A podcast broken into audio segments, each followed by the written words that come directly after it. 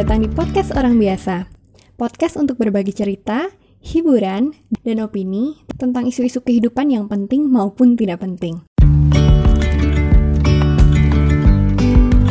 Dampak jeleknya ada nggak ya? Sejauh ini eh, pemanfaatan energi terbarukan ini untuk listrik di wilayah pedesaan utamanya yang jauh dari jaringan eh, listrik nasional itu tidak ada dampak buruknya. Tapi kalau kita bicara dampak buruk di sini mungkin dalam konteks bagaimana peralatan, bagaimana instalasi energi terbarukan yang ada di masyarakat yang notabene harus dikelola oleh di- oleh oleh, mereka secara mandiri itu bisa bertahan lama.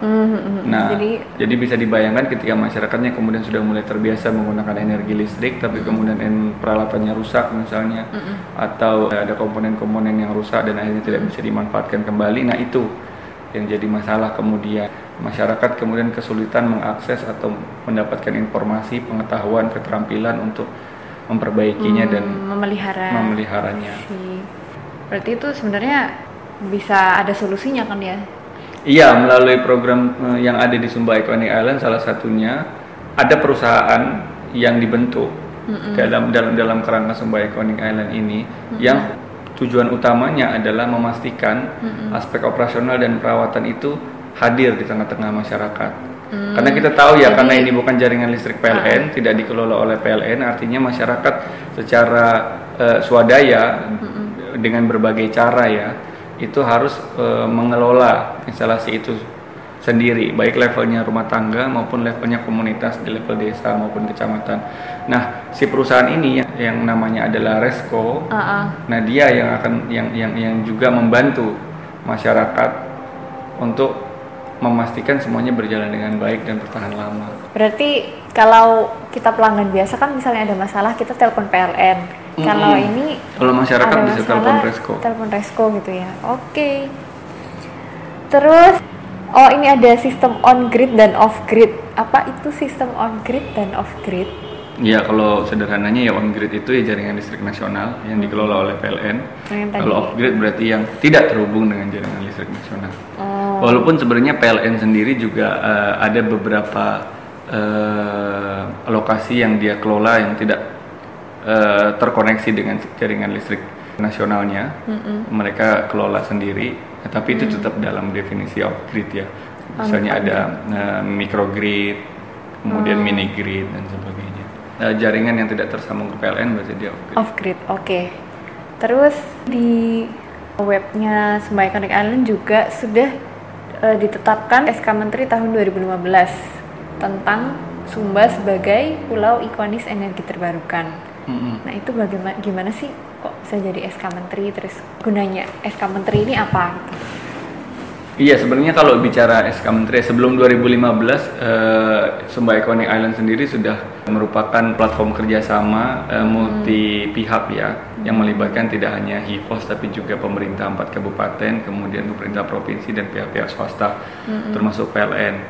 Nah tapi melalui 2015 itu ditegaskan kembali ditegaskan lebih, lebih tegas lagi bahwa ini adalah program yang eh, penting untuk diimplementasikan. Jadi Sumba Iconic Island sendiri kan itu eh, tujuan utamanya adalah bagaimana caranya di tahun 2025 sumber energi Pulau. utama yang ada di Pulau Sumba 100% kalau bisa berasal dari energi terbarukan. Pada tahun 2015 itu datang kemudian melihat bahwa eh, ini eh, sepertinya eh, perlu untuk dipercepat tujuan tujuan tujuan Sumba Iconic Island tidak harus 2025 tapi kalau bisa setidaknya rasio elektrifikasinya bisa tercapai di 2020. Nah, oleh itulah keluar SK Menteri itu. Jadi semenjak tahun 2015 Sumba Iconic Island ini ti- tidak lagi hanya sekedar program eh, swasta begitu tapi sudah diadopsi menjadi program pemerintah. Jadi ini Oh, sekarang oke, adalah oke.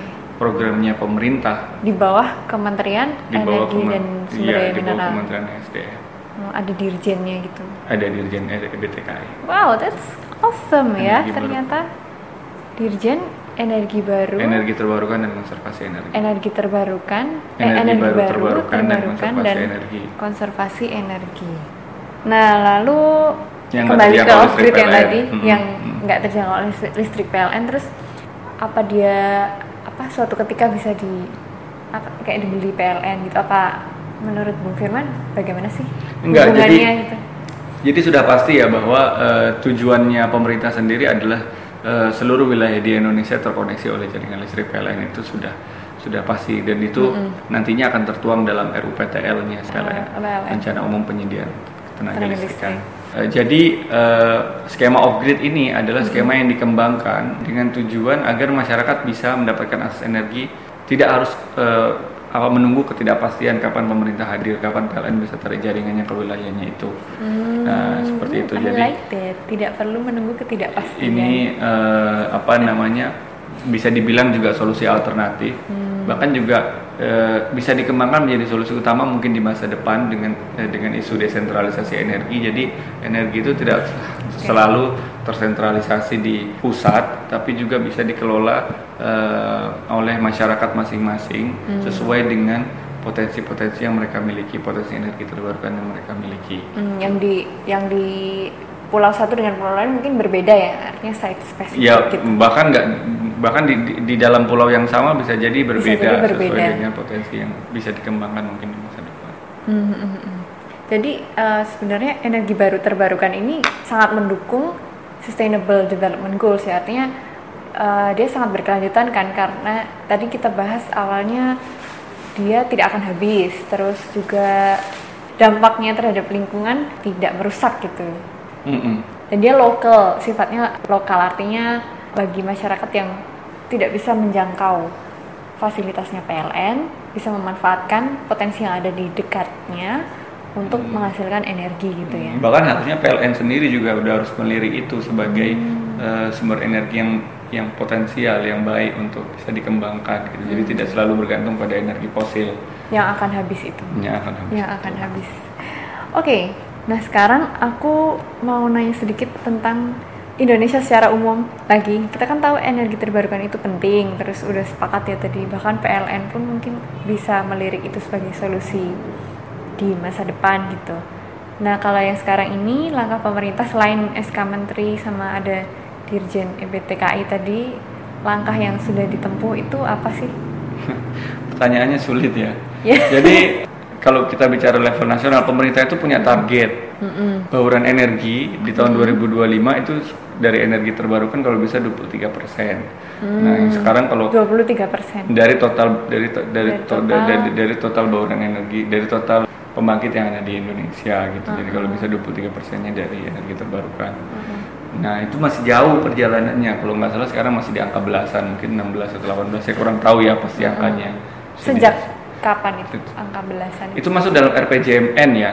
Ya, ah, jadi kalau menengah berarti lima Ya makanya 2025. Iya. Nanti dicek sendiri deh itu. Okay, okay. Uh, itu harusnya menjadi acuannya kita untuk untuk untuk bergerak dan kalau dihubungkan dengan Sustainable Development Goals jadi sesuai dengan Sustainable Development Goals mm -hmm. um, penyediaan akses energi bersih okay. masyarakat akses energi bersih bagi masyarakat okay. akses energi bersih yang terjangkau ya clean yang affordable terjangkau. energy di clean SDGs affordable. nomor 7 oh itu dia SDGs nomor 7 teman-teman kalau mm -hmm. sebenarnya SDGs apa goal-goal yang lain juga ada beririsan ya tapi uh -huh. ah. kalau kita bicara spesifik tentang energi itu terus poverty eradication juga masuk. Oke. Okay. terus ini aku bertanya kemarin kan di debat calon presiden ada diomongin bioetanol biofuel bioenergi gitu kan. Itu apa sih sebenarnya? Is it renewable? Iya, itu sebenarnya eh, apa nama salah satu salah satu energi terbarukan ya karena dia berasal dari apa, ekstraksi tanaman mm -hmm. eh, yang eh, digunakan untuk kebutuhan pembangkit gitu. Mm. Kita bisa bicara sawit, mm -hmm. kita bisa bicara etanol. Etanol bisa mm. sumbernya dari banyak dari banyak jenis tanaman ya. Mm -hmm. Nah, eh, tapi yang yang yang yang luput dalam pembahasan adalah konsekuensi dari penerapan biofuel dan biodiesel sebagai hmm. uh, apa namanya uh, fokus utama gitu karena itu pasti membutuhkan supply yang yang yeah. yang banyak ya yang dan itu pasti konsekuensinya adalah butuh lahan yang luas yang hmm. masif dan pola penanaman monokultur yang seperti kita ketahui bersama itu dampaknya juga tidak terlalu baik kepada hmm. lingkungan bahkan justru dampaknya juga merusak pada keanekaragaman hayati di suatu wilayah. Jadi mm-hmm. itu sebenarnya bukan bukan bukan bukan bukan bukan solusi yang terbaik ya, bukan solusi yang tepat sebenarnya dan kalau mereka mau aware sedikit sebenarnya tren uh, penggunaan bahan bakar cair hmm. di dunia itu mulai di, mulai ditinggalkan gitu karena hmm. uh, prosesnya yang juga hmm, butuh waktu yang panjang dan ada hmm. dampak-dampak lingkungan yang tadi disebutkan. Dan kalau butuh waktu panjang dan prosesnya juga uh, pasti ditanam dulu nunggu berbuah dan lain-lain sampai nanti hmm. jadi bahan bakar cairnya itu mahal juga kan berarti ya maksudnya? Iya, eh, nggak tahu juga sih kalau ditanya itu itu terus itu alat produksi mahal atau enggak. Tapi kan hmm. karena sekarang Indonesia sendiri juga salah satu ya, negara uh, pengekspor sawit terbesar di di dunia. Di dunia.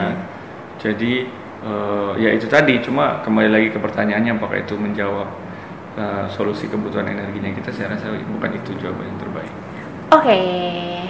I get your point. Thank you very much ya. Nah, terus kita menuju ke akhir percakapan. Nah, sebagai uh, orang biasa, apa sih yang bisa kita lakukan? Iya, untuk lebih melek isu energi ini. Ya lebih lebih aware aja terhadap isu-isu yang yang yang yang yang yang seperti ini kan sebenarnya isu ini dekat dengan kehidupan kita hmm. gitu. Yang pertama uh, pasti yang selalu saya tekankan bijak dalam penggunaan energi hmm. gitu karena nah teman-teman juga harus tahu dan mengenal dari mana sih energi yang teman-teman gunakan, dari mana sumber listrik yang teman-teman manfaatkan di rumah. Gitu. Nah, iya tuh gimana uh, caranya sih? Iya bisa bisa browsing di internet gitu, oh, ya, apa namanya uh, uh, dan karena mayoritas pembangkit kita memang dari energi uh, fosil ya, mm-hmm. jadi sudah sudah barang tentu mayoritas juga bukan dari energi bersih. Nah, mm-hmm. mulai terbuka pada opsi-opsi penggunaan energi terbarukan. Se sekarang ini trennya positif uh, instalasi energi terbarukan untuk rumah tangga juga mulai uh, terjangkau. Jadi kita bisa beli gitu ya? Uh, iya gitu. bahkan uh, dalam peraturan menteri yang saya lupa nomor berapa itu uh, dimungkinkan kalau misalnya kita mau menggunakan uh, panel surya di untuk kebutuhan rumah kita. Jadi kita uh, mandiri dalam pemanfaatan energi. Bahkan kalau energinya uh, ada uh, kelebihan supply kita bisa berikan ke PLN gitu ada transaksi jual beli dengan PLN nah itu dimungkinkan melalui peraturan menteri itu. Hmm. eh terus satu lagi nih aku baru inget bandaranya di Sumba pakai energi surya ya? Iya tahun Bandara. 2000 tahun 2015 kalau saya tidak salah itu. Hmm. Sumba Barat Daya dan Sumba Timur ada. Dua-duanya pakai uh, energi surya. Wow keren Sebenarnya uh, energi terbarukan nggak nggak melulu soal listrik ya di uh. Sumba sendiri juga kita mengembangkan biogas mm -hmm. yang akhirnya membantu sekali bagi uh, rumah tangga yang awalnya menggunakan kayu bakar sebagai bahan bakar Sama. utama untuk memasak. Mm. Mereka sekarang bisa menggunakan uh, gas yang dihasilkan mm. dari kotoran ternak yang mereka punya sendiri dan itu juga mm. salah satu uh, solusi alternatif dan uh, ramah lingkungan ya yang bisa mm. digunakan oleh masyarakat gitu. Dan orang-orang uh, Sumba kan rata-rata memiliki ternak ya. Iya. Mm. Wah itu dia uh, percakapan bersama Bung Firman tentang energi terbarukan. Terima kasih banyak Bung Firman. Nanti kapan-kapan jadi narasumber lagi ya dari teman orang biasa lagi. Oke. Okay. Nah itu tadi percakapan bersama Bung Firman tentang energi terbarukan. Aku sempat mencatat beberapa poin penting untuk ringkasan dan kesimpulan di akhir podcast ini. Yang pertama, energi terbarukan adalah energi yang berasal dari sumber-sumber yang selalu tersedia di alam dan relatif selalu ada, seperti air, matahari, panas bumi, angin, eh, biomasa, dan lain-lain. Yang kedua, masyarakat di pulau-pulau kecil seperti Sumba lebih mungkin untuk mengakses energi terbarukan yang sesuai dengan potensi masing-masing atau disebut jaringan off-grid karena keterbatasan PLN untuk melistriki seluruh wilayah Indonesia, terutama menyangkut uh, transmisi dan distribusi. Yang ketiga, Sumba sebagai pulau ikonis energi terbarukan saat ini sudah sebagian memanfaatkan pembangkit listrik tenaga surya, mikrohidro, angin, dan biomasa. Rencananya tahun 2025 seluruh Sumba 100% akan menggunakan energi terbarukan. Yang terakhir, Indonesia memiliki potensi energi terbarukan yang melimpah dan bisa diandalkan sebagai sumber energi utama untuk seluruh masyarakat. Nah, tinggal komitmen kita semua untuk menuju ke sana. Oke, terima kasih teman-teman sudah mendengarkan podcast Orang Biasa. Ringkasan isi podcast ini bisa teman-teman baca di blog Cerita Cati, cerita Dan semoga perkenalan kita dengan energi terbarukan kali ini bisa bermanfaat dan memperkaya pengetahuan kita. Nah, kalau teman-teman ada komentar atau pertanyaan yang ingin disampaikan, bisa tulis di kolom komentar YouTube atau blog atau mampir ke Instagramku @ceritacati cerita. Sampai jumpa di episode selanjutnya kalau ada. Terima kasih sekali lagi.